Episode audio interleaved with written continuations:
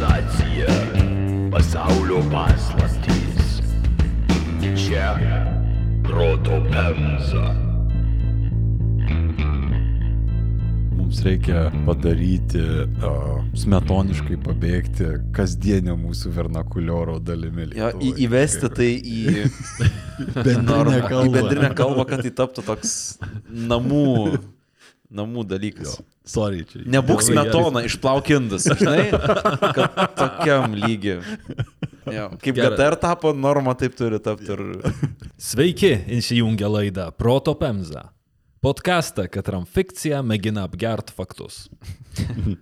Su manimi iš Vilniaus, 140 km nuo Punsko, sveikinasi auksaprotis Akademijos Azabas Aivaras. Džambo. Valingas valiutų Veznedaras Vilius. Kai kurie drugeliai sirbia kraują. Labas. What? Jo. Drugeliai sirbia kraują? Kai kurie, ne visi. Yra rūšių drugelių, kurie sirbia kraują. God damn! I know. Ir yra bičių, kurios gamina medų iš mėsos. Ja, prašau. Mm, tokia- jo. Damn! Ir vos už 550 metrų nuo artimiausios Punsko gatvės, su pirmadienį pasibaigusiu pasu, Povilas. Beveik viskas tikslu. Nihau. Ir aš, tiesmukas tauškalų, Tardžumanas Tomas. Labas, Tomai. Labas, Tomai, malonu. Ahoj, ahoj. Kad ir kas tardžiumanas būtų. Mhm. Bet... Vertėjas. O, oh, ok. Azabas tai yra toks pestininkas, o Veznedaras yra oficialus pinigų sverikas. O, koks geras. Šiandienos epizode aptarinėsim Lietuvoje tikriausiai mažiau girdėtą, tačiau monumentaliai reikšmingą konfliktą, pavertusi geriausių tautų respubliką viso labo išnašą istorijos vadovėliuose. Mat, geriausių tautų respublikos padalėjimų priežasties galima ieškoti ne Maskvoje vienoje ar karaliaučiui, bet Balkanuose. Eik, eik, Tomai. Kažką jau čia meluoji, man atrodo. Mm, tai buvo. Jūsų ausim pirmoji Hotino mūšio duologijos dalis - Moldovos magnatų karai.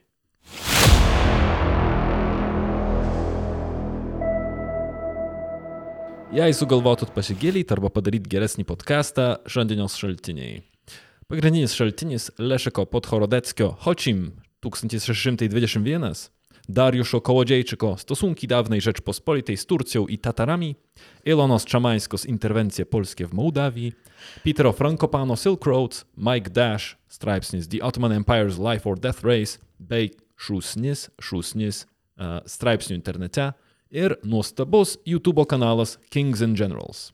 Čia gal gali būti, žinai ką, gera vieta paklausyti Sigio epizodų prieš klausant šitą. Jeigu svarstytumėt, kurie yra tie epizodai apie Sigį, tai reikėtų jums eiti į mūsų YouTube ar Spotify ar bet kokią kitą platformą, kurią klausot ir susirasti epizodus, kurie yra. 18, 20, 22.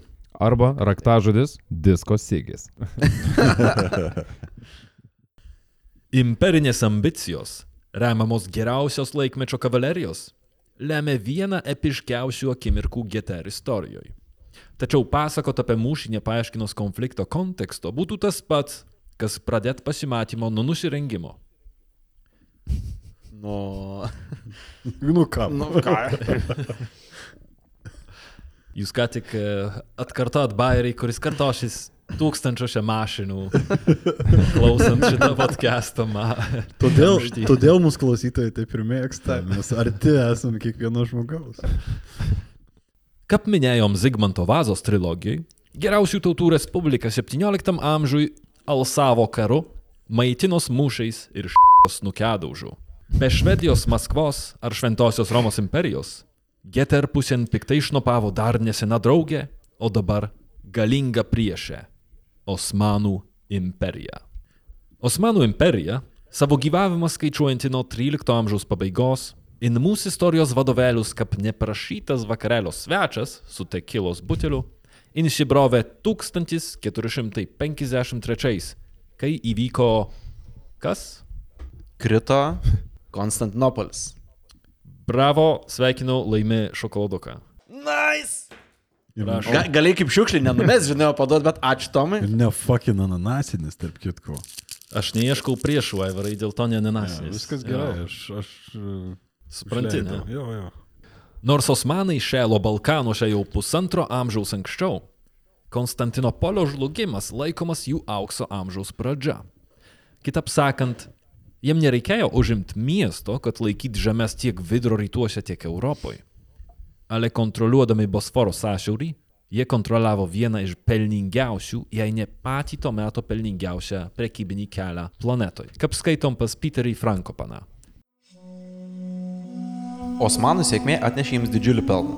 Išdas Konstantinopolėje pilnėjo kylant prekiniams mainams Raudonosios ir Viduržėmio jūrų uostose bei Persų įlankoje. Valstybės pelną kėlė taip pat didėjantis vidinis vartojimas. Iš to sekė didžiulės statybinės programos, finansuojamas vis augančio mokestiniam pajamom. Nauji pastatai kilo visoje Osmanų imperijoje, nuo Balkanų iki Šiaurės Afrikos. Būtent nuo Balkanų iki Šiaurės Afrikos. Už tai, kad Osmanų imperija buvo išsiskėtus per tris kontinentus. 1600-ųjų pradžioj jie tiesiogiai ar netiesiogiai kontroliavo teritoriją nuo Kaukazo, in Persijos įlanką, in šiaurinį Raudonosios jūros krantą beveik iki Gibraltaro. O Europoje praktiškai visus Balkanus, Vengriją ir beveik visus Juodosios jūros krantus, įskaitant Krymą. Krymo Hanatas buvo jų vasalai tuo metu. Tai reiškia mažesnius ar didesnius konfliktus su kitom imperijom. Su Persija, su Rusija, su bažnyčios valstybe, su Habsburgais bei geriausių tautų respublika. Tai jų veikimas nebuvo paremtas kažkokiais tai karo žygiais, jų viskas buvo paremta prekyba, jie pinigais ėmė savo įtaką visą. Sakyčiau, kad ranka rankon ėjo abu šitie dalykai. Jie buvo užkariautojai, jie tikrai ne, nesėdėjo vietoje, bet užkaravę šilko kelią, jie tapo absoliučiai nesustabdomi. Labai didelę dalį jų ekonomikos ir sudarė vergystė. Jie turėjo didžiulius vergų turgus. Vienas pagrindinių pasaulio vergų centrų buvo Kryme, mhm. Jafos mieste, ne Kafos mieste, kur visi slavai, taip pat ir baltai, pro ten ir prasisukdavo Jo. supančioti. Mhm. Bet kaip suprantu, Osmanai neįkūrė šito vergų pardavimo Instituto. punkto. Jo, jo. Jie tiesiog perima kontrolę jo ir toliau sėkmingai naudoja šitą įrankį. Taip, islamas draudė musulmonui įkalinti kitą musulmoną, bet jie gaudė krikščionis. Ir krikščionė lygiai taip pat darė ir kitą tikim. Tai. O jo, jo, čia buvo, visi suprato žaidimo taisyklės kartu. Jo. Čia tik tai šiaip gal, kad kafa šiandien vadinasi Teodosija. Taip. Apie kokį laikotarpį kalbam? Šitas epizodas vyksta paraleliai Zigmanto vazos trilogijai. Tai yra 1620 plus minus, čia aišku dar e, pereišim prie detalių. O Osmanų imperija, grubiai tariant, 1300-aisiais pradėjo kilt ir, ir, ir stiprėt. Kaip kaimynai, kad jie kartais pasipyksta, ale per kiekvienas kalėdas ar ramadaną susitinka išgert bonką, Osmanų ir jo gailaičių bendra istorija siekia beveik pačios abiejų dinastijų pradžios. Pavyzdžiui, 1444 turkai Varnos mūšyje, pauzė juokui,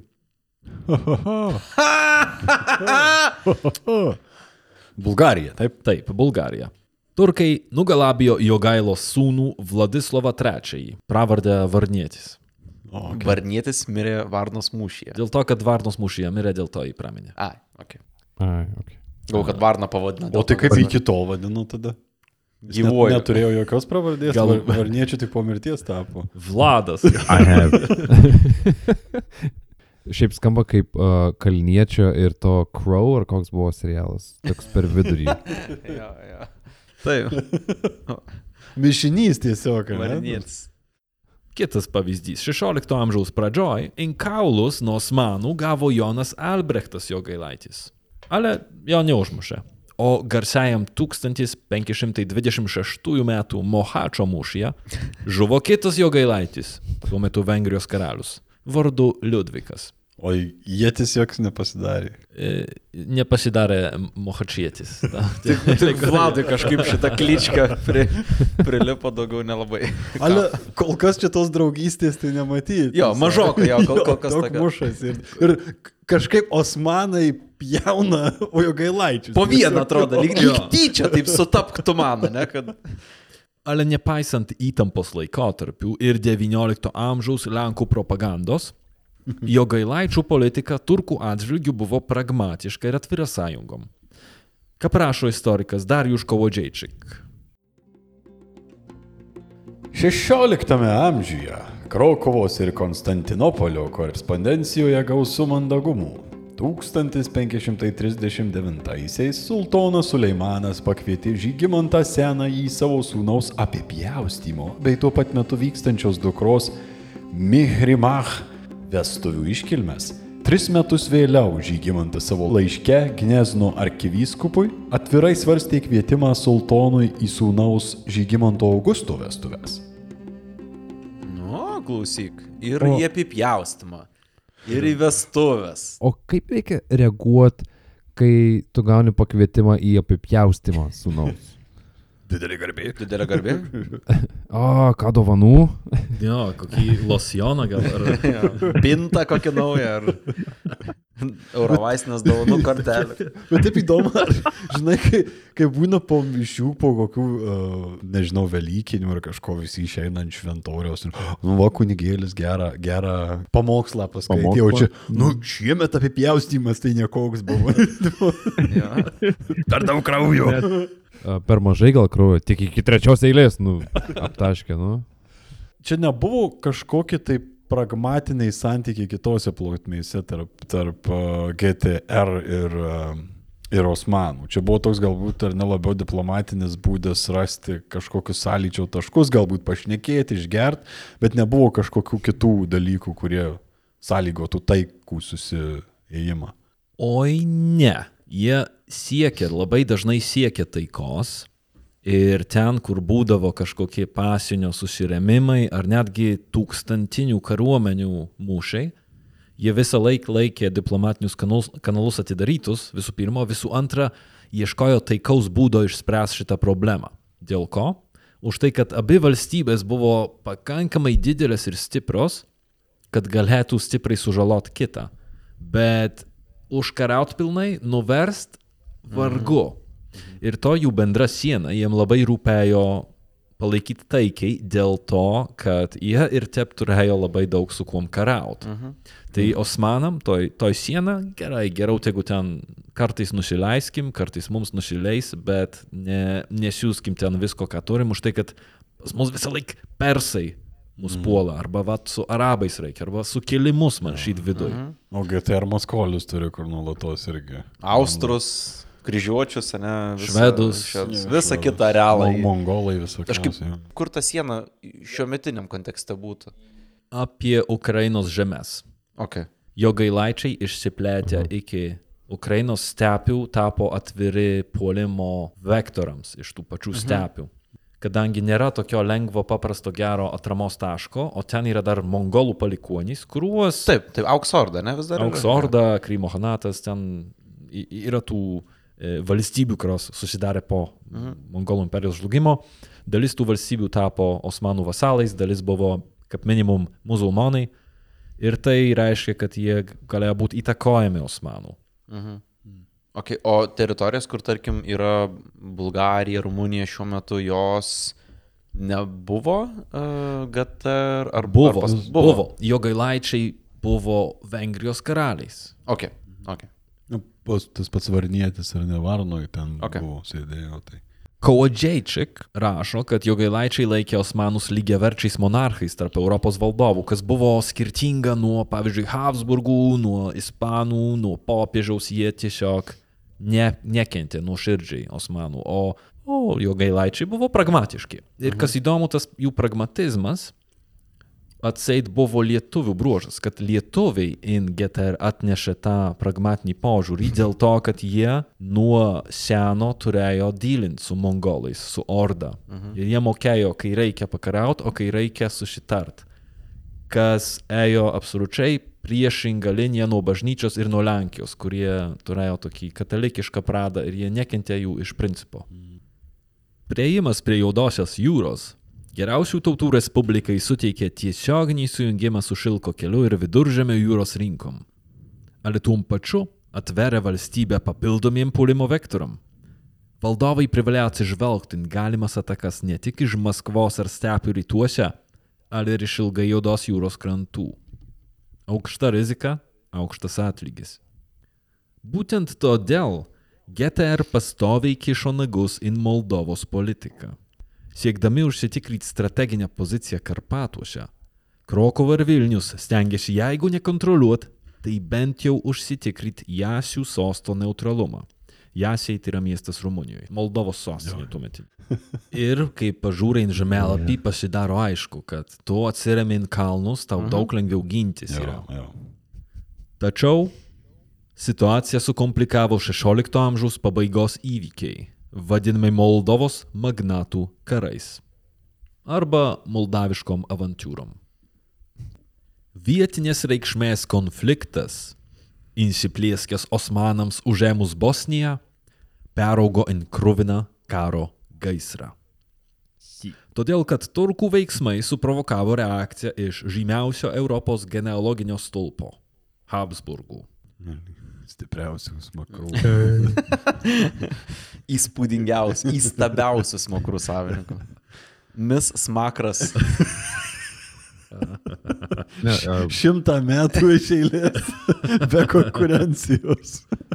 bet bent jau galim sakyti, kad uh, jų įtaka mums netiesiogiai davė filmuką American Dad. Taip. Ir Glena Quagmire. jo. Oh yeah! 1593 ciesorius Rudolfas II, jeigu atsimenat Sigio trilogijoje, buvo toks Maksimilijonas III, kuris nepripažino pralaimėtų rinkimų. Tai čia yra jo brolis, Rudolfas II. Rudolfas II skamba kaip, kaip pirmą kartą įni šiek tiek ne, neišeina, tai tiesiog antras tas pavykęs toks jau.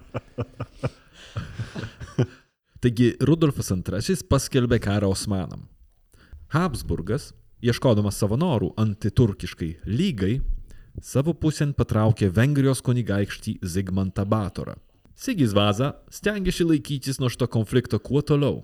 Jis vos prieš du metus gavo raštišką Osmanų užtikrinimą apie neopuolimą ir bendrą taikos siekį, dėl to net neturėjo pagrindo jausti jų grėsmę. Tačiau Habsburgų remiamas Batoras turėjo savų ambicijų. Jis ėmė kišti nagus į Moldovos politiką, siekdamas ją pilnai uždominuoti. Ir švelnus galios balansas regione atsidūrė pavojui. Čia yra beje drastiškai supaprastyta versija. A ne? A ne, sak, aš jau galvoju, kad Tomai visą regiono istoriją sukondensavai tiesiog į du sakinius, nieko nepraleisdamas šitą vietą. Nu, tik kiek tie Moldovai gali turėti istorijos. Jo, jo. Kažkur šaukia vienas A- a- mūsų klausytas Mol- Moldovanas. Taigi, trumpai tariant, sostą Jasuose ar Jasiuose, Moldovoje, apėmė Batoro draugelis, antiturkiškas valdovas Stefan Razvan.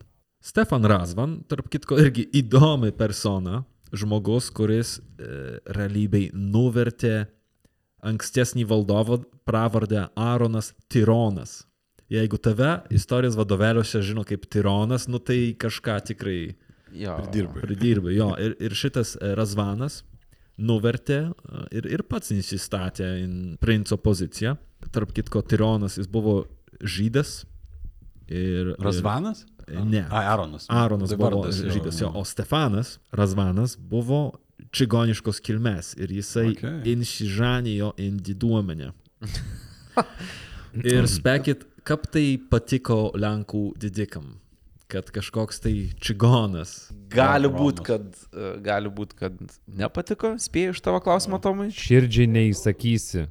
Šitas incidentas su Batoru ir Razvanu sukėlė pagrystas Zigmanto Vazos ir Jono Zamoiskio baimės, kad osmanai tuo jį iš ten išstums ir inves savo tvarką, o gal netgi iš vis anektuos Moldovą. Užbėgdami tokiam scenarijui už akių, karalius, tikriausiai šokdinamas Jono Zamoiskio, nusprendė intervenijuoti. Ale ne tam, kad kovot su turkais, priešingai, kad nuverst turkam nepalankų Moldovos kunigaikštį, už tai, kad Geter suprato, kad gali kilt karas su osmanais ir jų vasalais Krymo Hanatu. Tai čia tokie 3D šachmatai. Tai jo, pala, aš dabar, kad suprasčiau, tai Sigis bando Moldovui atsikratyti Habsburgų įtakos. Taip. Taip. Taip. Ir nenori pyktis visiškai su osmanais, nes Būtent. viskas ten gerai jiem yra, jie neturi kažkokių konfliktuojančių interesų. Bet kaip čia įsi, įsineršia tada Krymo klausimas? E, Krymas buvo e, vasalų osmanų ir visa, vis, visos kovos, kurios vyko Balkanuose, nu jie siuntė ten totorius, Krymo. Okay. Moldova yra osmanų vasalas. Ai, tai iš osmanų pusės kokio jūs velnių iš vis kišatės į, į tą vietą jo? Nu, jo. Jo, bet jeigu osmanai patys ateis, sutvarkys, tai nežinai, ką jie išrinks į Moldovos princą. Tai norisi, kad jie patys nuspręstų jį pakeisti, bet kad tu suinfluencintum. Nu, Sigis, kad tiesiog suinfluencintų, kas ten įvyktų. Ir, nieks net, ir jie manytų, kad tai jie patys padarė. Būtent. Be Vėl jokių- kaip labai sigiškai skamba šitas dalykas. Ir visa tai dėl to, kad Habsburgai įsikišo į Vengriją. Taigi, 1595 m. rūpjūtį GTR pajėgos pajudėjo su pačiu Jonu Zamoiskiu prieš akį. Vienintelis ekspedicijos tikslas - įstatyti į Moldovos sostą Zamoiskio bičiulį Jeremį Mohilą. O jis kartu jojo, žinai, kur. Tai Taip. taip ir buvo, ne kur Taip ir buvo. Būsimai, tiksliau ne tai, kad būsimai, bet tą žmogų, kuriuo noriu pakeisti, literaliai ant gretimo žirgo pasisadini ir jūs kartu einat. Puiku. Jep. O kokia čia fantazija yra? Tu atjosi ir tiesiog ka- ka, kaip vyksta. Aš...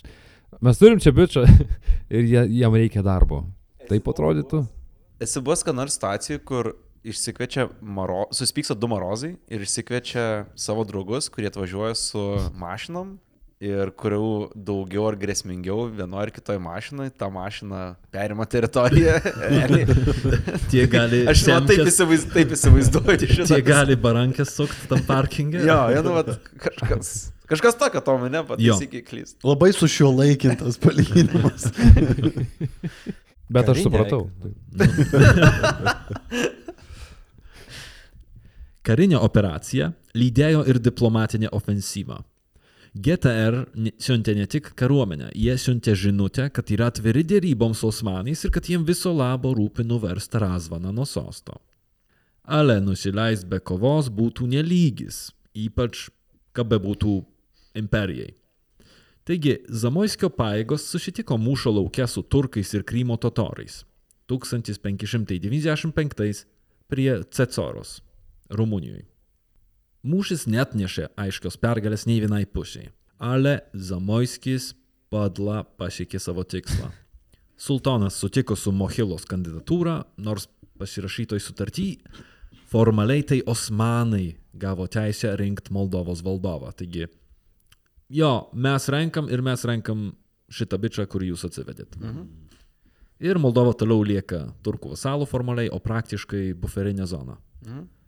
Kažkur girdėta, labai labai girdėta kažkur.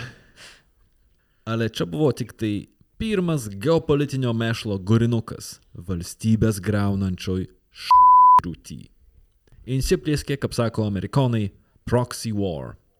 Arba, kaip sako lietuviai, geopolitinė pisleva.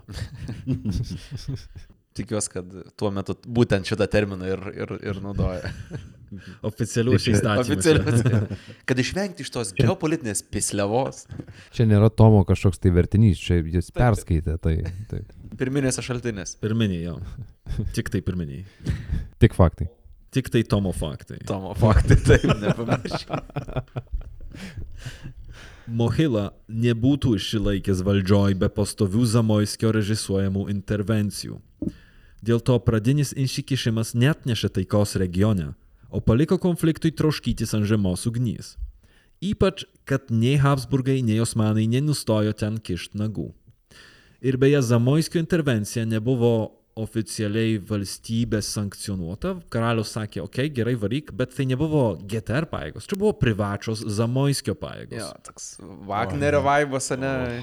Oi, čia visai mes nieko nedarom. Čia Okay, tiesiog kariai kažkokie. Dar viena raukšlė užsideda viso šito ma vat Jis yra vienas tų magnatų, iš magnatų karų. Okay. Zamoiskis? Zamoiskis. Okay, tai jis ne kaip ATR, bet kaip, uh, Kaip Kaip, Zamoiskis. kaip Jo. atskiras karo vadas sugalvojo. Būtent.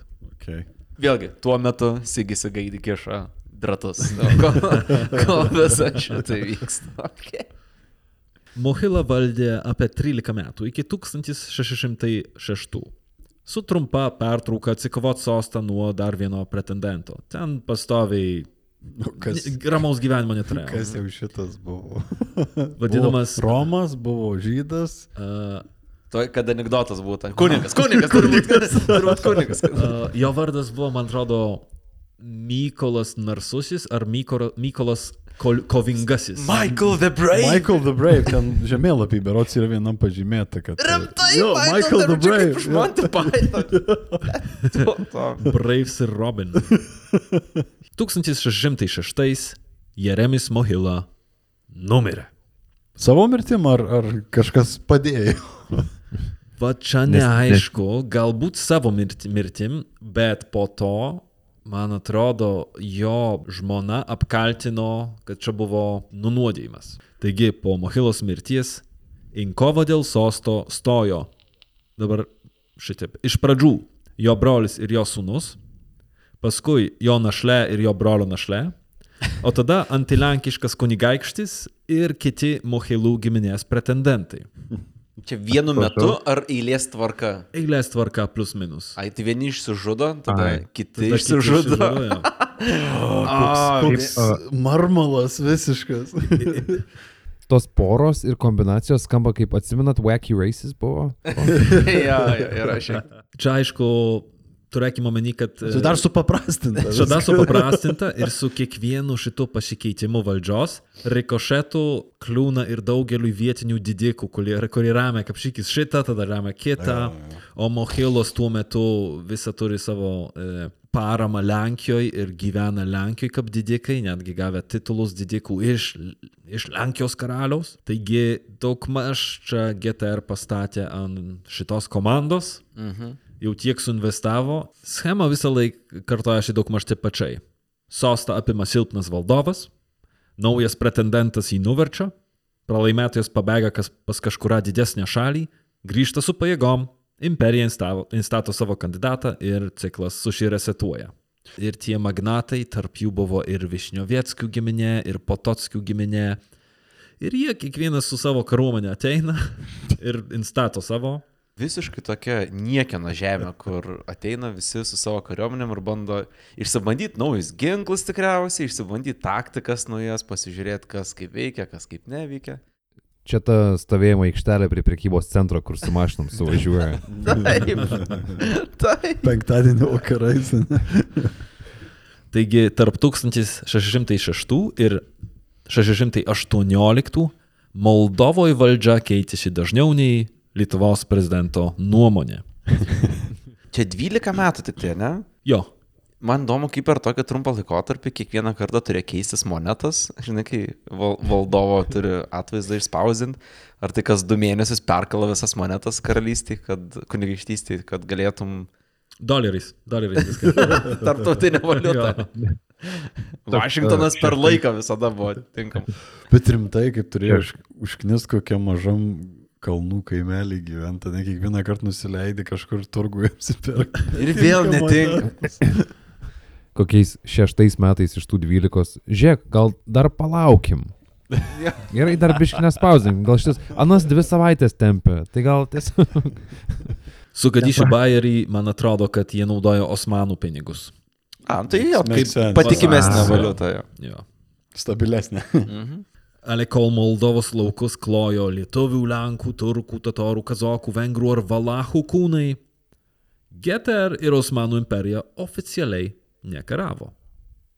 Zigmantas Vaza kartais sankcionavo, ale dažniau smerkė, arba oficialiai netgi nežinojo apie didikų organizuojamas intervencijas. Kap katrais atvejais netgi jiem draudė. Ale net jei draudimas būtų nuoširdus, o nebuvo, tai magnatai leido savo ignoruoti karaliaus autoritetą. Net jeigu Zigmantas nebūtų Sigiu, tai sostinė jau tuo metu yra Varšuvoje, fiziškai labai toli. Bet gaunasi, kad Moldova tuo metu buvo realiai Lenkų kalimosi arena. Ir, ir lietuvių. Nu ir jo, jo, jo, bet jo. visi, kurie galėjo galbūt kelt problemų viduje, tiesiog savo problemas išsinešė ir Kažkur kitur jie sprendė tarpusavį. Aikštelė prie prekybos centro. Visiškai. Ir čia yra tiesioginė Liublino unijos pasiekme už tai, kad po Liublino unijos Ukrainos žemės atiteko Lenkijai. Jos buvo perskirtos iš LDK į Lenkiją. Ką padarė Lenkų didikai, kurių fiziškai buvo daugiau? Jie pasidalino, išparceliavo Ukrainą. Staiga pamatė, kad kaiminystėje yra Moldova, dabar jau jų tiesioginiai kaiminystėje, jų žemių. Nu ir yra priežastis karaut, yra priežastis tenai lyst. Šitie karai iliustruoja sisteminį GTR trūkumą iš vis, už tai, kad savi interesai buvo aukščiau valstybės. Keletas turtingų giminių turėjo išteklius pradėti karą, ale nebūtinai jį užbaigti. Tos teritorijos, kurias pradėjo kolonizuoti ir eksploatuoti Lenkų didikai, turėjo labai nepatogų mažą bruožą. Kazokus. O. Girdisi boso muzika fone kažkur. Aš įtariu, kad klausytojai jau įsivaizduoja savo, kas tai yra kazokai, tai ilgai nesipasakosim. Bet kazokai yra tai, ką gautai, jei sumaišytai skitus su vikingais. Plėšikai, bet kartais žemdirbiai, kartais medžiotojai, bet visų pirma laisvi žmonės. Ja. Mhm. Jo, čia tas pagrindinis. Didysis jau, jau. Geografijos stepia apibriežtą kultūrą, ne? Kur Taip. tu, mobilumas yra, mobilumas, kurio neriboja jokia tuometinė Mhm. Barjerai geografiniai. Ir, jo. ir, Ir administracija kažkokia, Taip, jo. taip. Jeigu aš noriu išeiti, aš išeisiu. Galingi kalvalerija Jo, jo. savo. Tu jeigu gimtum dabartinėse laikuose ir tavo pirminė transporto priemonė būtų tankas, nuo tada, kai tau keturi metai. Ne? Visą laiką vis tau duoda mažą tanką ir vis didesnį, didesnį, didesnį ir tu visada... Tu įsivaizduoji, kokia kieta galėtų mokslinės fantastikos novelė būti apie, apie kazokus ant tankų. Eik, tu čia. Nepamirškim, kad jie ir laivus statėsi ir labai, So, Nelend laivus tikriausiai. ne, ne, juodo jūroje ir plėšikavo ne tik tai su žirgais, A. bet plėšikavo ir su savo valtim, vadinamom čaikom. Šito nežinojau. Aš irgi. O jo, ir tai gausiai. Jie buvo piratai iš esmės. Bet piratai ne tokie, kurie jūrų mūšose dalyvauja, bet tokie, taip kaip vikingai. Iš niekur neaišku, kur atplaukia. ką- Pareidina ir... varo Pareidina, jo, ką sudegina, ką išprivartauja, ką pagrobia. O kai sakot laisvi žmonės, vis tiek mokestinė kažkokia našta buvo uh, tos žemės, kur jie priklausė. Lenkai lietuviai nerinko mokesčių iš jų. Geras klausimas. Kai Lenkai pradėjo kolonizuoti Ukrainą, jie kvietėsi daug baudžiauninkų, kvietėsi žmonės, kad mhm. eikit čia, dirbkite žemę, nemokėsit mokesčio. Labai daug žmonių dėl to ten atsikėlė, dėl geresnio gyvenimo ir, ir ten gyveno. Bet su laiku, kai jau šiek tiek situacija susistabilizavo, Lenkai pradėjo rinkti mokesčius, norėjo pradėti rinkti ir norėjo sugražyti tuos laisvos baudžiauninkus į jų deramą vietą, kaip Dievas įsakė Biblijoje.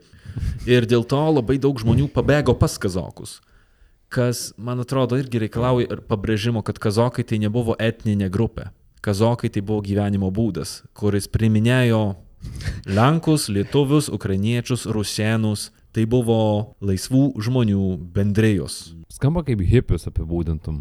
Labiau gal to Tik su- meto libertarai tokie, žinai, kur Arba nepripažįsta visiškai jokios... Tik, tik su, Autoritetai. su kardais ir Taip, gali taip. nukapot viso kaimo galvas, jeigu tik Taip, taip, reikės. taip. Davai, Davai, ne, tai, nereikia ei. jie visiškai, jie visiškai Tai nėra taikus žmonės. Anarchistai? Libertarai, Ne, sakyčiau, tiksliau, čia kaip tie Teksaso, kur dėl ginklų pakvaiša ir mokesčių mokėti nenori, ir žemės daug, ir tu jam neįsakysi. Ir nuo jos ant žirgo, žinai. Jo, nes jie turėjo vadovus, man atrodo, ar ne? Ir tie At- atamanus. Jo. Taip, taip, taip, jie bu, nu, nebuvo padrika kažkokia neorganizuota bendrija, turėjo um, centralizuotą vidinę kažkokią valdžią tam, kad egzistuot kaip žmonių bendrijai. Neturėjo centralizuotos valdžios, kiekviena jų bendryje turėdavo vadą. Ta ir turiu meni, kad nėra kad po buvo- vieną visi, žinai. Ir tas vadas buvo renkamas demokratiškai. Bals, balsavimo būdu išsirenkam savo, jeigu nepatinka, mes jį galim nuverst. Kaip piratai vėl skamba, ne? Jo, jo. Bet... Ir kazokų jin turėjo savo atsvarą Jan, Krymo totorus. Totorai reidina kazokus, kazokai raidina totorus. O lietuviai su lenkais, jie negali suvaldyti kazokų, bet geriau turėti kazokus ten, kaip tą atsvarą tokį skydą nuo totorų, nes jeigu ne kazokai, tai reikia su totorais karauti. O kazokai bent jau renkasi pietinės, rytinės kryptis savo reidam dažniau. Ir kazokai buvo labai svarbus veiksnys GTR Osmanų santykiuose, už tai, kad kazokai buvo priklausomi nuo reidų Osmanų teritorijose. O GTR pyko dėl totorų reidų. Ir GTR su Osmanais visą laiką susirašinėjo, nu, ei, davai, jūs sutvarkykit šitus kazokus. GTR buvo, jo, jo, jie mūsų irgi plėšia. On it. Jo. Visiškai šiuo metu, kai, ko- kol mes kalbam, Jo. va, dabar tvarkom šitą dalyką. Ką, tarp kitko, vienas Lenkų etmonas rašė, padėkim vieni kitiem išnaikyti šituos kenkėjus. O, Tuo pat metu duodami pinigus kazokam, kad uh, eitų. totorių. kad jo, atsikabyti nuo tavęs. 1618 Europoje vis garsiau dundėjo apokalipsės žirgų kanopos. Įvyko du svarbus dalykai. Pirma. Būtent tais metais prasidėjo kruviniausias iki to laiko Europos konfliktas - 30 metų karas. Katalikai prieš protestantus, Habsburgai prieš Šventąją Romos imperiją. Kadangi Zigmantas Vaza susisiejo su Habsburgais net dviem santuokom ir pasižymėjo stipresniu tikėjimu nei politiniu instinktu, jis sutiko su Habsburgų prašymu. Žandikaulių dinastija gavo teisę rekrutuoti samdinius GTR žemėse. Mat Habsburgam staigiai prireikė kariuomenės dėl to, kad naujas proturkiškas Vengrijos kunigaikštis Gaboras Betlenas išsiruošė užimti vieną. O, kažkam šikna dega. Kažkam dega šikna. Sigis nebuvo turtingiausias valdovas, taigi kilo idėja suformuoti naują karinę formaciją - Lisovčikus. Ir aš čia sakau Sigio, bet realybėj tai buvo turbūt Žulkevskis, mhm. Etmonas Žulkevskis. Tai taip, taip, mes, Jo. jo, mes suprantam, kad Sigis mm. jis ten. Sigis ne, Jis vis dar, vis dar gaidį Jis- jis- farširuojat. Šoka šokiai, Jo, neturi laiko. Jis, jis papuošalus gamina ir taip toliau. Jo. Lisovčikai buvo visiškai naujas specialios paskirties būrys. Tai realiai tokia atskira kariuomenė, ta prasme, kuri... Jo, turi pavyzdžiui husarus, turi tempesnikus, turi lisovčikus. Mhm. Kuom jie buvo tokie unikalūs? Tuom, kad nuo pat jos įsikūrimo valstybė oficialiai jai nemokėjo atlyginimo.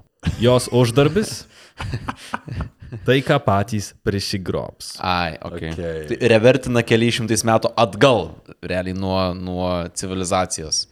Kur karalius nėra pajėgus sumokėti, dėl to tu vėl gali reidint kaip 13-14 amžiai. Yeah, yeah. Tai panašu į tiesiog Wagnerio atsiradimą tokį tais laikais šitų lisovčikų. Neturiu kuo sumokėti, tau sumokėsiu vos ne įtaką ir jėga, kurią tu galėsi laikyti savo uh, atleistose jau rankose.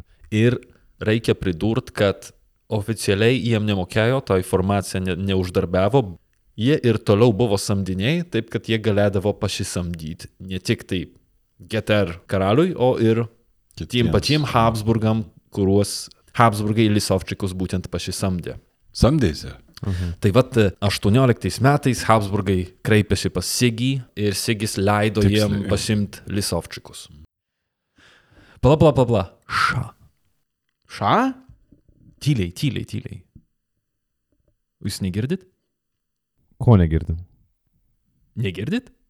Tave girdi nusišnekant, o- o ką tu girdi? Girdžiau, nu, girdisi, kad nesaugus internetas čia. Ai, bet taigi jis visur nesaugus, nelabai tu čia ką padarysi, žinok. Nelabai ką padarysi? Povilai, ne. Apsaugoti save naršant internete gali su NordVPN programa. Ji užmaskuos tavo tapatybę internete ir garantuos visišką privatumą. Ai, šitą tai turi ir naudoju, labai gerą programėlę. Bet jie ir daugiau paslaugų turi. Vėliau, taip. Aha! NordVPN garantuoja interneto saugumą keliaujant, jungiantis prie viešo Wi-Fi ar apsipirkinėjant. O naujoji MeshNet paslauga leis sukurti privatų tinklą tarp visų tavo aparatų - telefonų, planšetės ir kompiuterio. Reikalinga nuotrauka ar PDF darbo kompe, o tu namie? Viskas pasiekiama per akimirką. Nori su draugais pažaisti per laną? Laisvai. O, tai mažu reikėtų atgaivyti kokį tai Civilization turnyrą. Tomai? Gal.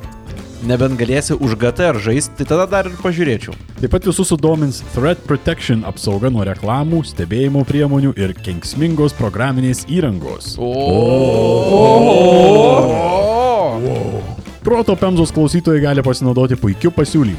Įsigijus NordVPN planą dviejiems metams, keturis mėnesius gausite nemokamai, o jei nepatiks, turėsite 30 dienų atgauti pinigus. Ar domina? Aha. Tai eikite į nordvpn.com, pasviras brūkšnys proto pemza ir griebkite išskirtinį pasiūlymą geriausioms internetinio saugumo paslaugoms. nordvpn.com, pasviras brūkšnys proto pemza.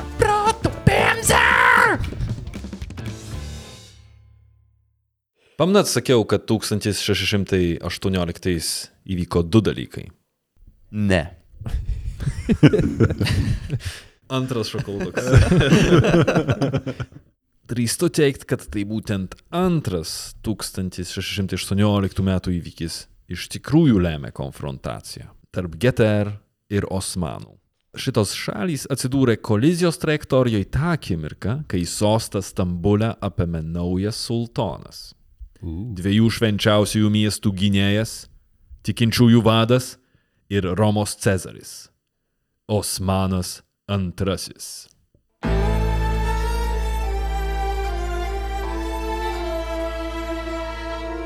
Smulkiausių ūsų savininkas į rytus nuo Vilniaus tikriausiai. Jo, jau ploniausių pačių. Taip, taip. Osmanas II apėmė sostą vos 14. Jis paveldėjo valstybę kovojančią dviem frontais - su Persija ir su GTR, su nepalankiu jam elitu bei pažeistų sukcesijos principu.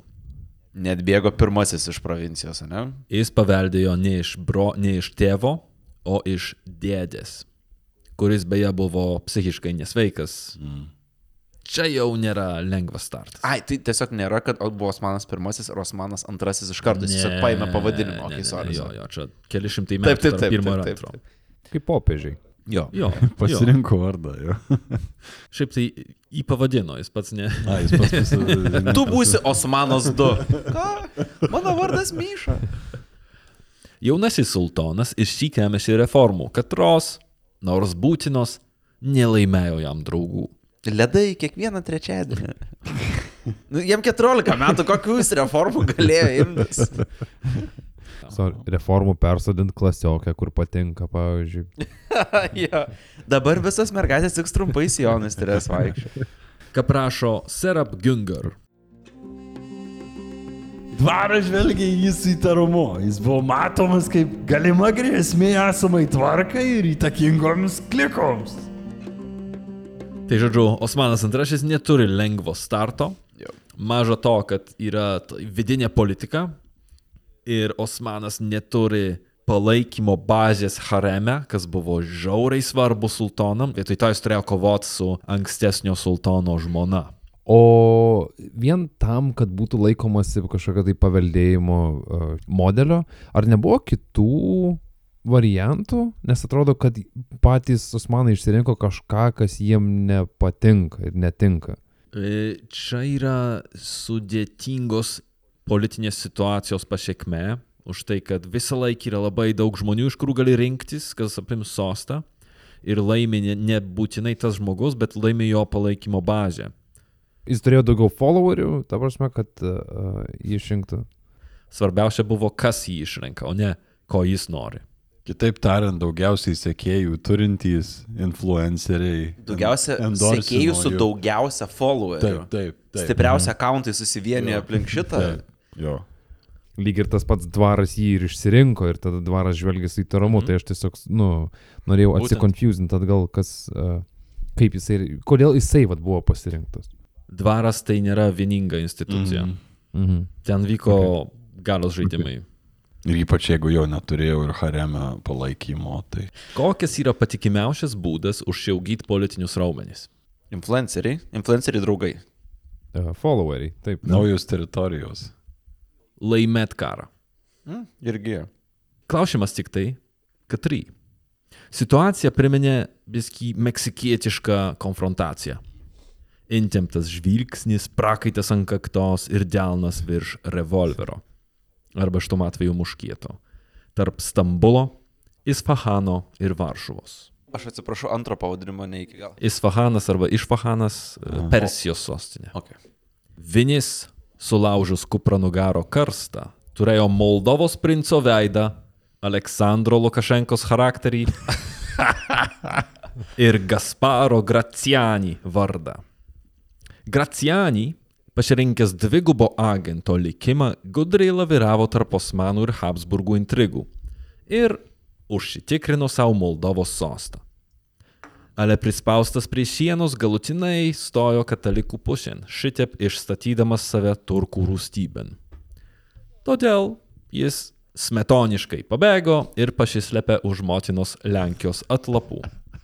Nors jis šiaip buvo italas. Okay. O ką darė sultanas? Sultanas pareikalavo išduoti jam jo vasalą. Sigiui Vazai in veidą alsavo sudėtinga dilema. O jis nemėgsta sudėtingų dilemų. Nemėgsta. Išduot Gracianį, susilpninant savo poziciją, ar rizikuot karų su osmanais. Laimiai, Sigis nebuvo vienas. Baklausimą svarstė 1619 m. Seimas. Nelaimiai, Seime dirbo Seimo nariai. O, Dar didesniai nelaimiai, prieš pat posėdį dangui pasirodė kometa. o ne. Visi žinom, kad kometa reiškia karą. Šviesos dangui! Dievas mūsų nekenčia. Meanwhile, tiesiog akmuo skrenda pro. Na, nenoriu nieko sakyti, ar jie atsimena 220 kovą buvo irgi tokia kometa, Neowise. Ir ką mes turim? Karą. Mm? Coincidence? Taip. Visiškai, absoliučiai kojas. Pasimeldė dvi dienas prieš tai bažnyčioje, didikai pradėjo svarstymą. Nu jau užteks. Dvi dienos. Taip. Ar yra kažkur, ne gal yra kažkur užrašyta, kiek reikia, žinai, kiek poterių ten reikia ir visko jau čia. Pusantros paros keliais aplink. bažnyčią. Vynas baigėsi. Palauk, patikrišiu lenteles. Kometa. Pa, tai teisingai suprantu, jie pamatė kometą, tą nutraukė visą savo darbą, dvi dienas išėjo melstis ir grįžo ne. atgal. Ne, ne, e, tradiciškai prieš Seimo pradžią reikėjo melstis ir Ai. dar, dar, dar šiaip dvi dienas meldėsi gal dėl okay. kometos, vieną dieną ilgiau, dėl viso ko. Ką prašė Lešekas Podhorodeckis. Pakancleris Andžėjus Lipskis savo pristatymę teigia, kad karas su turkais yra neišvengiamas ir ragina užtvirtinti naujus mokesčius valstybės gynybai. Panašios nuomonės laikėsi dauguma senatorių. Tačiau dauguma Seimo narių tuo netikėjo. Plito nuomonė, jog tai dvaro politinis žaidimas ir dar viena Habsburgų intriga. Speciali Seimo komisija parengė gynybinį šalies planą ir pasiūlė konkrečius veiksmus. Pavyzdžiui, sustiprinti tvirtinimus, padidinti kariuomenę, reformuoti mokesčių sistemą. Jie pateikė netgi konkrečius skaičius. Reguliarios kariuomenės dydį pakelti iš 2,5 10 tūkstančių galvų, apmokėti ją iš pinigų už javų eksportą, sutvirtinti Krokovos, Liublino, Podolės Kamenėco, Lvovo miestų sienas. Ir Seimas apšlakstė rekomendacijas šilta abejingumo čiurkšle. Kitaip sakant, atsisakė finansuoti. Kaip viskas yra iki skausmo, taip pat. Čia trakimo menį visą laiką vyksta karas su švedais. Jo, ai dėl to Vilnius sienų nereikia tvirtinti dėl to, kad jau pizdat. ir taip yra, tai. Okay. Žinodama, kas jai grėsia, ale pati savo šovus in pėdą, GTR pasirinko blogiausią galimą variantą. Sau prieštaraujančių, neefektyvių pusiau sprendimų paketą. Sigis, vis dar turėdamas vilčių išlaikyti taiką, išsiuntė į Turkiją patyrusį diplomatą - Hieronimą Otvinovskį. Ale baimindamasis didikų pykčio, pritarė intervencijai Moldovui. Kaip teigia pats Sigis, Jeigu tektų kovoti su turku, geriau ir saugiau tą daryti užsienyje, svetimiems maitinant ir prie Dunojaus besiginant nuo pagoniškos galybės. O ir dėl taikos dėrėtis paprasčiau, išlaikant iniciatyvą savo rankose. Ir reikia pripažinti, kad buvo čia tam tikra logika. Ir ji buvo tokia, kad jeigu bus karas, geriau smokt pirmiem. Ale tuo pat metu buvo daug nepatenkintų ir karo neieškančių didikų. Ir jų irgi reikėjo bijoti už tai, kad sukilimai. Todėl karaliui reikėjo kažkaip nukreipti jų pyktį ir kanalizuoti tą dėmesį nu, toliau nuo vidaus problemų. Sigio išsiųstas diplomatas Stambulę siekė audiencijos pas sultoną. Turkai prieėmė jį šaltai. Apgyvendino kažkur priemiestį ir dar liepė susimokėti už nakvynę ir maistą. Kas visai buvo. Jo, that's low. Jo. That's, that's low, tikrai. Pamato, ką galvoju apie bičią. jo, iššyk. Tai audiencijos jis laukė net 35 dienas. O tai čia gerai, daug, daugiau nei bet kuris Putino 4 valandų power Ir nepamirškim, kad skambėtų nelyg atostogos Turkijai, bet jis visą laiką pats mo. Jo. Ir iš jį prieimusio didžiojo vezyro, tai yra net ne sultono, išgirdo, kad GTR privalo išnaikyti kazokus ir sugriauti tvirtovės prie sienos su Moldovija. Mes dar neseniai visai kalbėjom apie tai, kaip turkai, osmanai ir, ir GTR kaip ir gražiai bendravo. Ir dabar jų toks labai akibrokštas. Aštrus labai. Visiškai čia yra, Naujas Jau- sultonas. čia yra prašymas kariaukim. Nu, kitaip jau ne, ne, nepamatysi šito. Nu čia kaip jo Tomas mini naujas sultonas turbūt siekia įtvirtinti savo galę politinę, savo statusą politinį kaip naujas valdovas, bet čia... Ir sultonas yra teisus už tai, kad mes šnekam apie jo vasalą, kurį Lenkai ir Lietuviai patvirtino bendrą sutartim 1617. Čia buvo, nu, kaip ir, okei, okay, pripažįstam. Jiem reikėjo išduoti Gracianį. Okay. Ta prasme, teisingumas buvo Osmanų pusė iš to situacijai. Mhm. Vienas dar irgi dalykas žiauriai nepatiko, tai yra tie Lisovčikai. Už tai, kad Osmanam rūpėjo visų pirma Habsburgai. O čia Habsburgai gauna paramą iš, iš, iš Krokovos, iš Varšuvos. Tai, jau, nu. Otvinovskis vis tiek nenutraukė pastangų, ale jos žlugo, kaip kortų namelis per Cannibal Corpse koncertą, kai Stambulo apylinkės netikėtai pasiekė kazokų laivai. Si. Toks wild cardas biškė, ne? Kur GTR, kaip suprantu, nesintė iš tų kazokų lavų. Jie tiesiog... Aivari visiškai, kaip tu sakei, kur... Pakin Mongolijos. Šitas tas. Aš nujaučiu, kad šitas įvykis, e, kurį tu ką tik paminėjai, tas kazoko apsiriškimas turės toli siekiančių A. pasiekmių mūsų visų gyvenimam iki pat dabar. Bet pagalvok, visa tai nutiko net ne pasigi, ne pas osmanus, bet kažkur būrys kazokų sėdėjo ir nusprendė, kad, žinai ką, dabar, va, dabar iš visų laikų reikia varyti reidin. Jie šitom įžuliu reidu apiplėšė ir sudegino turkų sostinės priemiščius, kol ambasadorius derši dėl taikos. Ne. O. Tikrai perskaitai iš laikraščių, kad šitai vyksta. Ne? Bet tai kokia lieva tavo kelionė nuvarai, tavęs mėnesį nepriima, išdegini savo babkės turbūt. Jo, mėnesį pralaukė. Ir po to mėnesio jau kai priima tave audiencija ir susako, ką reikia daryti, kazokai. Sveiki. Tavo, tavo, tavo potencialiai pavaldiniai padaro šitą. Tie, kuriuos turėtum laikyti kontroliai. Ir čia buvo, da, tep ar tie niekad nepuolė. Jo, jie žinojo, kad yra kazokai, tas atakos nieko naujo, ale, nu, sostinė, Jo. taikos dėrybų uh, metu. Lemas skamba kaip provokacija kažkokia, žinai. O jo, koks buvo motyvas iš pačių kazokų? Čia buvo suderinta kažkaip? Kazokai, jie tiesiog kiekvienais metais raidus darė. Čia buvo Kovo mėnesis. jo. Čia skamba kaip dabar, va šiuo metu.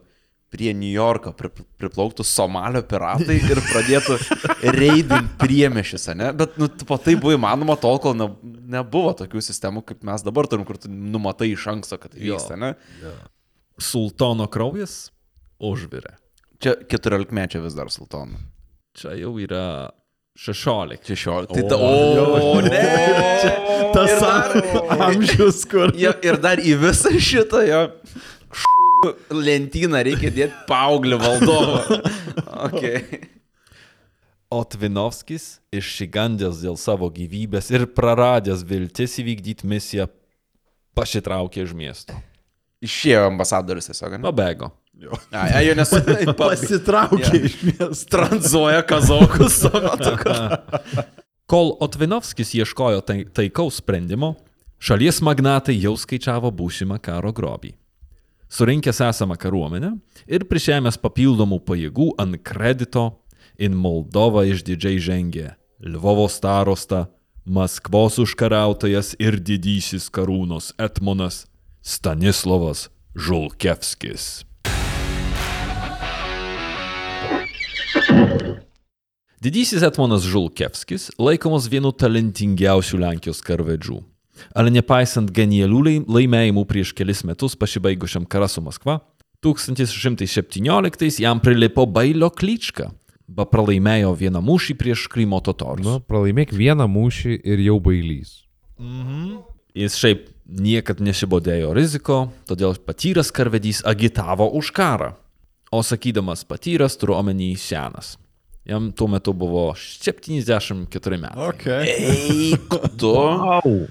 Čia kaip dabar 120 metų karvedys. Jo, bet tokį, žinot, kur atstumė į lauką tą tokį uh, trofėjinį, tiesiog senelį, kuris ten dalyvavo prieš šimtą metų, kur tipo, tai meskit granatą, dėdė. Ir... Ant arklio ausų vidrodukai uždėti jau. Karybos rodas Stuartas. Siekdami didikų palaikymo, karingai nusiteikę GTR politikai platino tariamą turkų valdovo laišką Zigmantui Vazai, kur Osmanas I grasino sudegyti Krokuvą ir pagirdyti savo žirgus prie Baltijos jūros. Mhm. Norėtum.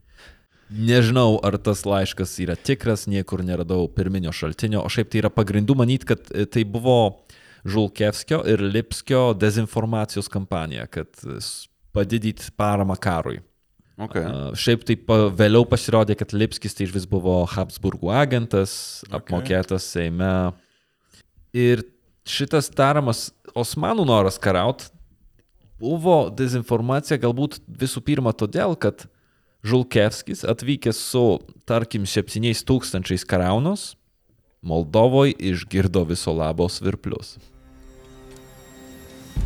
Žinios apie totorių, turkų ir valachų kariuomenės koncentraciją buvo ženkliai perdėtos.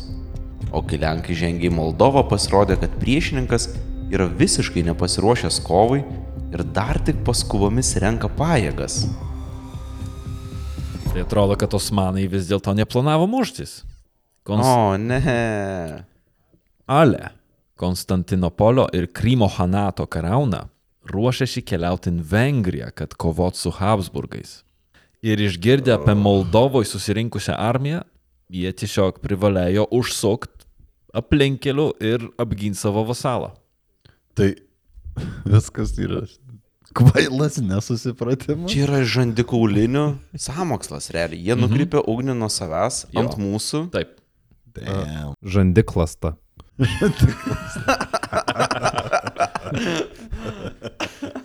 Tai nebuvo vienintelė Etmono miskalkulacija. Gracianis vietoj žadėtų 15 tūkstančių galvų prisijungė su 600. Vis dar Sigis valdo, ne? Taip. Okay. Vis dar vyksta karas su švedais. Okay.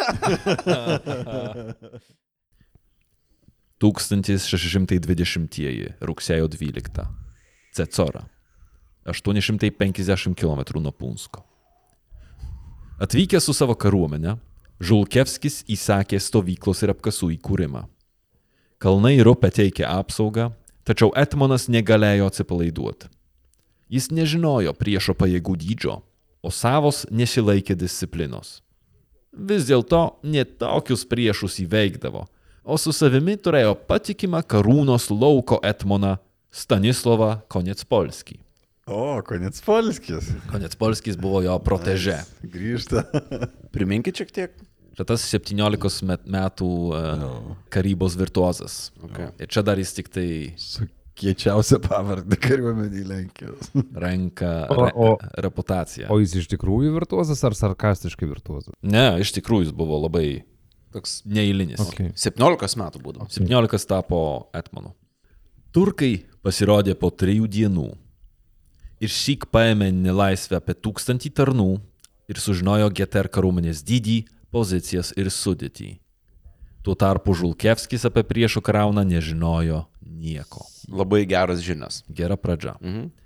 Informacija, katrą pateikė Graciani, prasilenkė su realybė net dvigubai. Tai Priešas pasirodė rugsėjo 17 ir prasidėjo įsitvirtinti.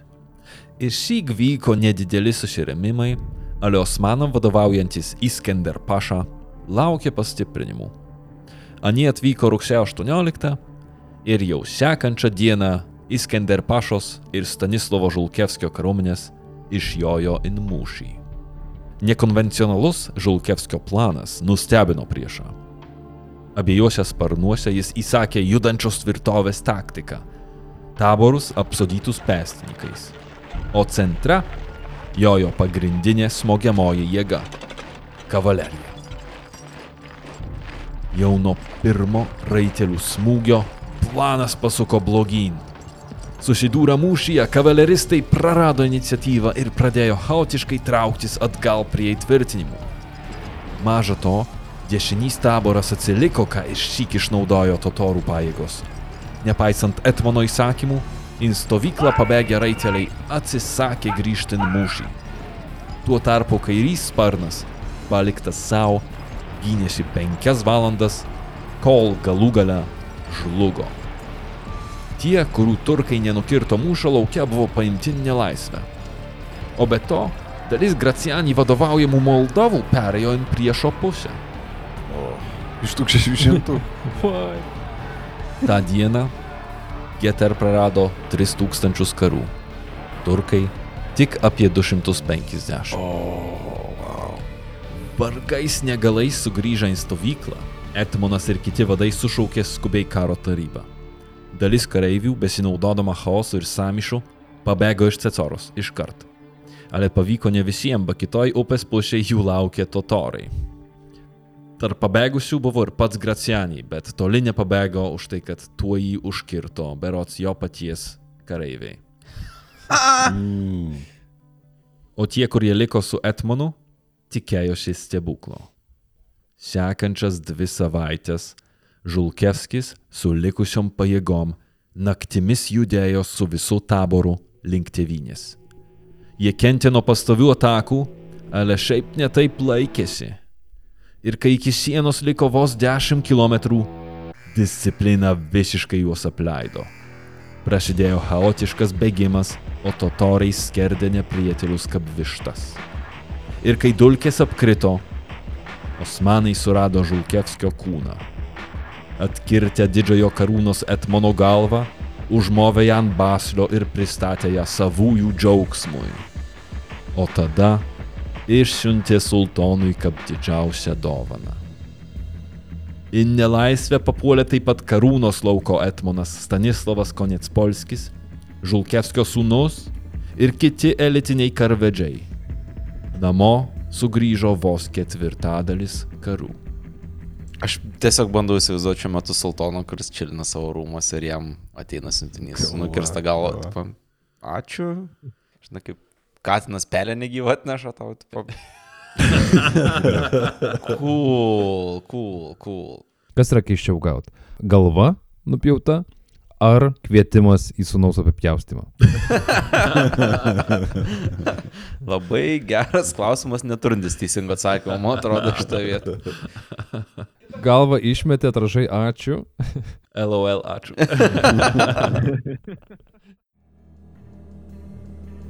Ir štai Lenkijos karalystė liko be etmonų, be kariuomenės ir be plano. Valstybei įsiplieskė panika. Didikai bėgo iš miestų, miestelėnai paskubom ginklavosi, o netgi pats karalius svarstė pasitraukti iš sostinės. Turkai užuodė kraujo kvapą, o Osmanas II jau nebeturėjo abejonių. Stambule pasigirdo karo būgnai.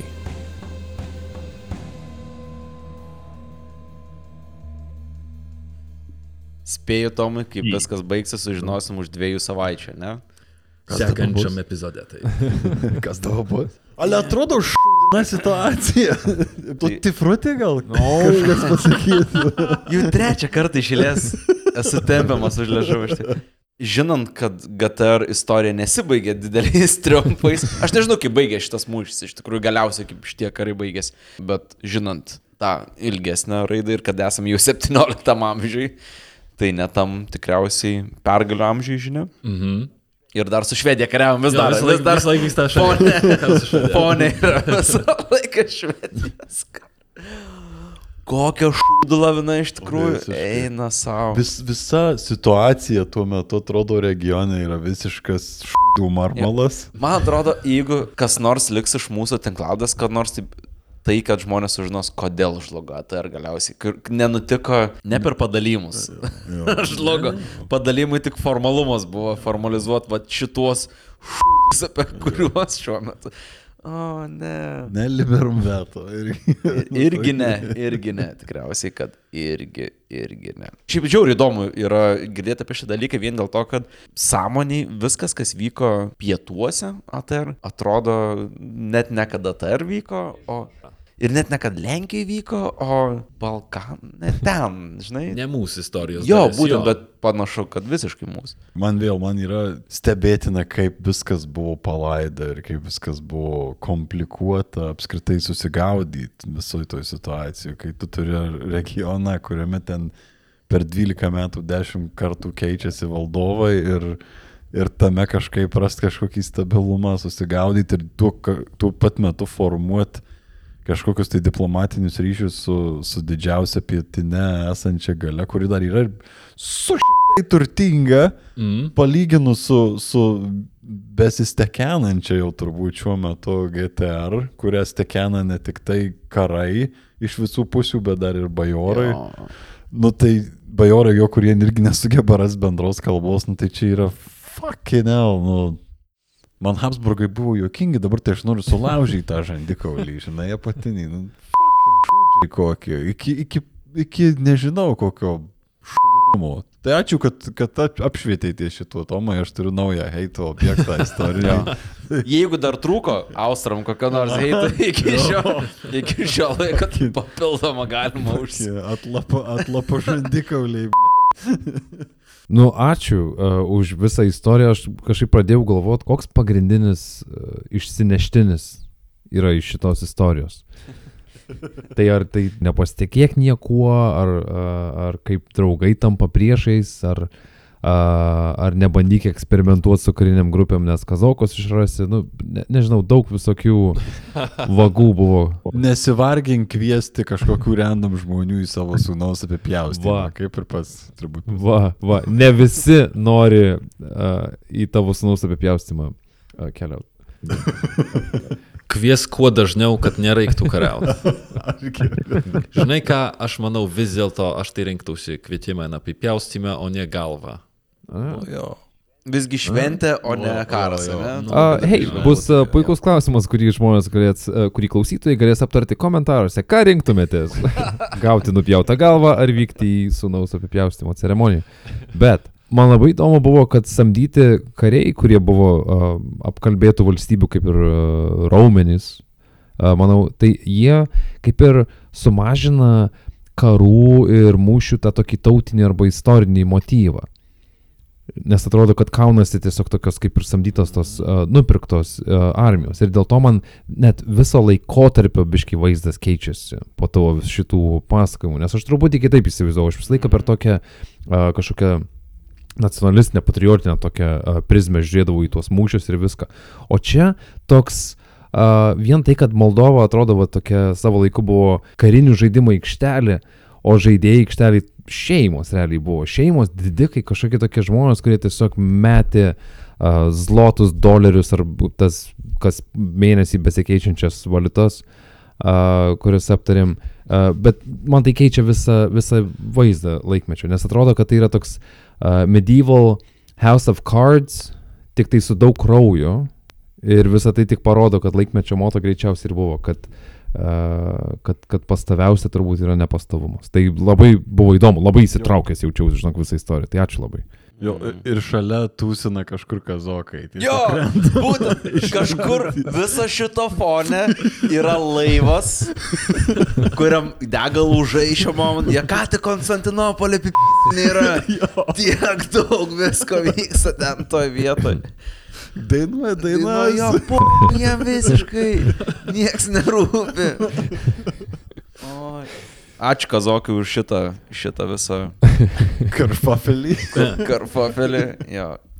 Aš tai tikiuosi, kad atsiras gal kažkiek daugiau uh, nuolaidumo ar supratimo Sigiui vazai, nes čia net jei jau tikrai patyręs ir, ir kietas būtai politikas, tai kaip tu ištrauksi valstybę šitos uh, mesmalės? Ale nežinau to. Jo, taip, taip. Yra šita dalis, bet kita yra tai, kad jisai kaip valdovas apsišyko savo paties valstybėje, ar ne, kažkaip konsoliduodamas visas Su jėgas Habsburgais. jo. Vat jeigu Taip. nebūtų buvę pirmų trijų dalių apie Sigį e, ir visus jo šūdus su Švedija, kurie buvo visiškai on him. Ta prasme, ten jokių Moldovų nebuvo, ten jis pats visą tą jo. Tai pabandykim hipotetiškai įsivaizduoti ATR, kuri visą tą šiaurinę karo dalį gali skirti į pietus, ne? Arba atvirkščiai. Nu, bet Arba Vi- Vidurnakčio liūtą pasikvies susitvarkyti su. Jo, jo, būtent. Bet, bet. ne, ne, reikėjo per visus frontus. Ei, iki šio epizodo man atrodė, kad Sigis žaidė šaškim. O dabar biški viskas vat perėjo į nežinau kokio lygio, aišku, šachmatus, bet jau gal ne 4D ir iš atminties be lentos, nu bet kažkiek tai uh, supranti, kad uh, į priekis, į kurį Sigis žiūrėjo, buvo gražesnis negu kad jisai atsisukt norėtų, kas vyko už kaiminių sienų. T- tri- 3D šachmatai su figūrom, kurios neklauso. Bet man atrodo, kad Sigis žaidė šaškiam, bet pats bežaisdamas išsidražė šachmato figūras į lentą, žinai, iš tų šaškių, kurias turėjo. Ir jam pačiam reikia dėlinti iš to šūdo po to, kas nutiko ant lentos. Bet, jo. Tai kazokai buvo damkės. Kazokai, kazokai wildcardas yra apšė net ne iš tos lentos. Ne iš to žaidimo. Ten laiko. Kortos. Kur šaškių žaidime ištrauki šansą iš monopolio. Toks, e, prarandi viską. Ką? Taip, sveiki, čia kazokai. Kiekvienam žaidimui šiaip stalo reikėtų kazoko kortos. Vidury šešių valandų žaidimo numet ant stalo ir viskas. Dabar visi turit pakratyti lentą. Tai ačiū labai, ačiū, kad išklausėt. Kviečiu jūs, brangus klausytojai, apsilankyti mūsų Contribui paskyroj, papildomiem turinio vienetam. Taip pat kviečiu apsilankyti Facebook'e, kur mes ten dar esam. Instagram. Nu, pasakyk, pasakyk, pasakyk, pasakyk. Say, it. say, čia kaip Bartai. Ne, ne, čia kaip Bartai. Say, it. say the word, say it. Wikipedijoje. Wikipedia. Sekit mus Wikipedijoje. Nepamirškit, kad Spotify atdarė tokią funkciją kaip komentuot po epizodais, kur mes, jeigu patvirtam jūs komentarus, jie gali matytis, bet mes potencialiai užduosim kažkokią klausimą po šito epizodu, kurį jūs dabar tikriausiai matot. Mhm. Ir tas klausimas bus, ar norėtumėt labiau gauti Gal dovanų galvą? kvietimą į apipjaustymą ar... Mano galva. Būtin, jeigu, naudo, jeigu dabar per appsą klausot, Spotify ir dar nežinai šitos funkcijos, nueikit į patį epizodą ir rasit tą klausimą ten. Ir, ir parašykit, ką, ką jūs galvojate. Gerai, ir... Šneka Lenkija. Žiūrėkit ant Facebooką, Kašneka Lenkija. Uh, sekit, kas vyksta Lenkijoje. Ja. nordvpn.com slash protafemza. Būtent irgi. Ačiū. Iki. Iki. Iki. Nepakliūkit kazokam. Iki. Ir be abejo, didžiulį ačiū taram mūsų kokteilio lygio remėjam. Tai dėl jūsų keliuosi ryte ir einu save prievartaut, skaitydamas apie Moldovos magnatų karus. Ačiū.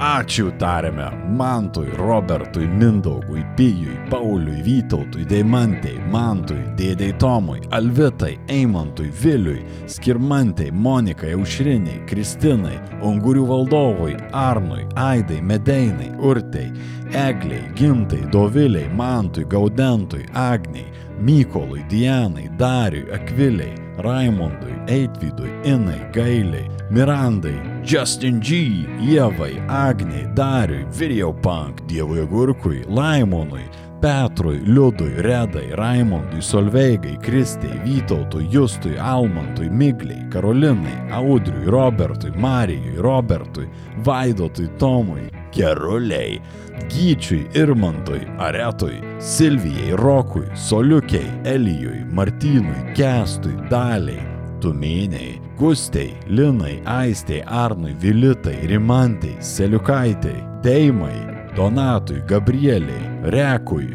Giedriui, Kornelijui, Šiget, Ignui, Doviliai, Simonui, Rimai, Vikai, Benui, Antropikui M, Lukui, Jėvai, Viliui, Matui, Gretai, Mr. Mindaugas J, Eimantui, Astai, Ugniai, Audriniui, Paulinai, Ptš, Rūtai, Juditai, Tėvų Vamzdžiui, Evelinai, Daugelieniai, Dariui, Viliui. Taip mes čia sėdim. Igniukui, Ernestui 473, Kristinai, Pauliui, Egliai, Justinai, Ingridai, Andriui, Kristinai, Mindaugui, Lagaminui, Agnainiui, Indrei, Maiklui Skotui, Viktorijai, Aistei, Vytautui, Sandrai, Austėjai, Reptilijui, Gvidonešiui, Jėvai, Šliaužytei, Žeka mama, Sandrai, Karoliui, Gabrieliui, Margaritai, Giedrei, Džiugui, Edvinui, Festin, Pono Joriui Kompostui, Elvinui, Zabirkai, Editai, Ramintai, Charlie from Verdansk, Gvidui. Ačiū Šarūniai Martynui, Juste Pripustėjai, Kalviui, Samantai, Antanui, Medikotrinai, Monikai, Paulius Lau, Mindaugui, Džiugui Kr, Donatai Vytautui, Artūrui, Edmundui, Julijai, Simonai, Monikai, Povilui, Akviliai, Vilmai, DJ MTV, Pauliui, Jovitai, Agnietei, Ingridai, Živiliai, Gabrieliai, Karoliui, Eugenijui, Neringai, Migliai, Gretkai, Riokui, Reinoldui, Rokui, Simonai, Kibrui, Domantui, Robertui, Evaldui, Astai, Arnoldui, dar vienam Arnoldui, Vnrčikui, Tomui, Vaidotui, Medžiui, Betonburniai vagonetai, Jogiliai Almai, Davidui, Tadui, Rimai Romualdui, Laurinavičiui, Donatui, Migliai, Pisimantui, Pisimantui Makštučiui, Erikai, Markui Gn, Gretei, Linai, Max Galingumui, Martynui, Agniai, Renatai Kamiliai, Haliucinui, Gretai, Brigitai, Barškalui, Gerdai, Laurinui, Rapolui, Jėvai, Štrimaitytei, Viktorija Sumui, Kralikutiui, Ingridai Ugniai Vaidui, Nikštukų fabrikėliui, Neringai Eiviliai, Evaldui Juliui Arūniai, Neringai Inesai, Liochai, Linai, Donatui, Daivai, Baronui, Birutiai, dar vienai Birutiai, Viktorijai, Pauliui, Eimantui, Laurinas, Laurinui iš Alitaus, Laurinas iš Alitausui, Kamiliai, Pikabų, Vytautui, Deimantai, Laimonui Vil, Eksis Boui, Dariui Mariui, Benediktai, Mantūsui, Kristinai Doviliai, Įdomas. V. Holinarai, Justinai, Pemetrai, Piestoriui, Duonatui, Ugniui, Liniui, Dainorai, Ritai, Julijai, Duke Silverui, Artūrui, Erikai, Tomui, Mariui, Egliai, Erikai, Giedriui, Mantui, Dietlovo meškutėms, Dainiui, Godai, Viktorui, Bag, Irmantui, Evelinai, Martinui, Jevai, Justinai, Emilijonai, Egidijui, Mantvydui, Marz, Marzazilui. Liudai, Dominikui, Vismantijai, DJ Music, Peledžiukui, Peledžiukui. DJ Music! Monikai, Katablankui su Katablankiokais, Arūniai, Neringai, Mildai, Audrui, Gražviliai. Jūs klausytojai tikriausiai nežinot, kad dabar yra 12 val. antradienį ir šitą vardų dalį aš skaitau antrą kartą, nes pirmą kartą nepaspaudžiu rekord. Bet mes esame ištikimi savo pažadam ir labai jūs mylim ir labai jums dėkojam. Ir Mua. su šitom padėkom sakome ačiū. Antrą kartą. Rasai, Imon Zimon, Julijui, Juliui, Tomui, Renatai, Irmantui, Albinui, Laurai, Dariušui, Žiedūniai, Jėvai, Ernestai, Tautvidui, Doviliai, Augustai, Sandrai, Ingai, Simui, Osvaldai, Gabijai, Aušrai, Tomui, Jurgitai, Edžiui K, Erbreideriui, Aušriniai, Antai, Mariui, Nerijui, Lincijai, Giedriui, Robertai, Ernestai, Monikai, Gabrieliai, Volterui, Astai, Semui, Mantas Kūlui, Mindaugui, Denui, Simonui, Rimantui, Rūtai, Andriui, Vaidui, Persivaliui, Mildeliai, Justui, Linai, Brigitai, Marijai, Nastiušai, Arvidui, Burbulišis, Sauliui, Arūnui, Edvinui, ne šiaip Indrei, Dianai, Rokui, Akviliai, Rasai, Ufonautui, Žygimantui, Jolitai, Vygai, Gretai, Giedriai, Rūtai, Tomai Gabrieliui, Benui Rolandui, Tadui, Justinui, Domantui, Jovitai, Eirimai, Ainui, Dominykui, Andriui, Mikui, Artūrui, Evelinai, Mantvidui, Kūgiai Mūgiui, Gediminui, Ginai, Dominykui, Dominikai, Simui, Egliai, Justinui, Kunigundai, Penskūnaitai, Auritai, Šarūnui, Jurijui, Linai, Stepanui, Arminui, Donelaitai, Pauliui, Meškiui, Mariui, Ryteniai, Treigytei, Gabrieliai, Melitai, Marijui, Žygimantui, Jonui, Justai, Edvardui, Mykolai, Editai, Arūnui, Lukui, Sauliui, Rūtai, Benui, Dominykui, Rasai, Darislovui, Astai, Tadzikučiui, Remigijai, Gretai, Egliai, Audrui, Miki Pūras, Doviliai, Andreliui, Simui, Mariui, Domukui, Mildai, Vaidui, Pučinskaitai, Gretai, Agniai, Akučaitai, Pytskai, Jorindai, Simui, Povilui, Egliai, Marijui ir Julijai. Ačiū Jums visiems labai už Jūsų neblėstančią paramą. Jūs esate tai, kas mus varo į priekį. Iki kitų susitikimų netaip ir užilgo. Iki. Iki pūras skamba kaip Pokemonas.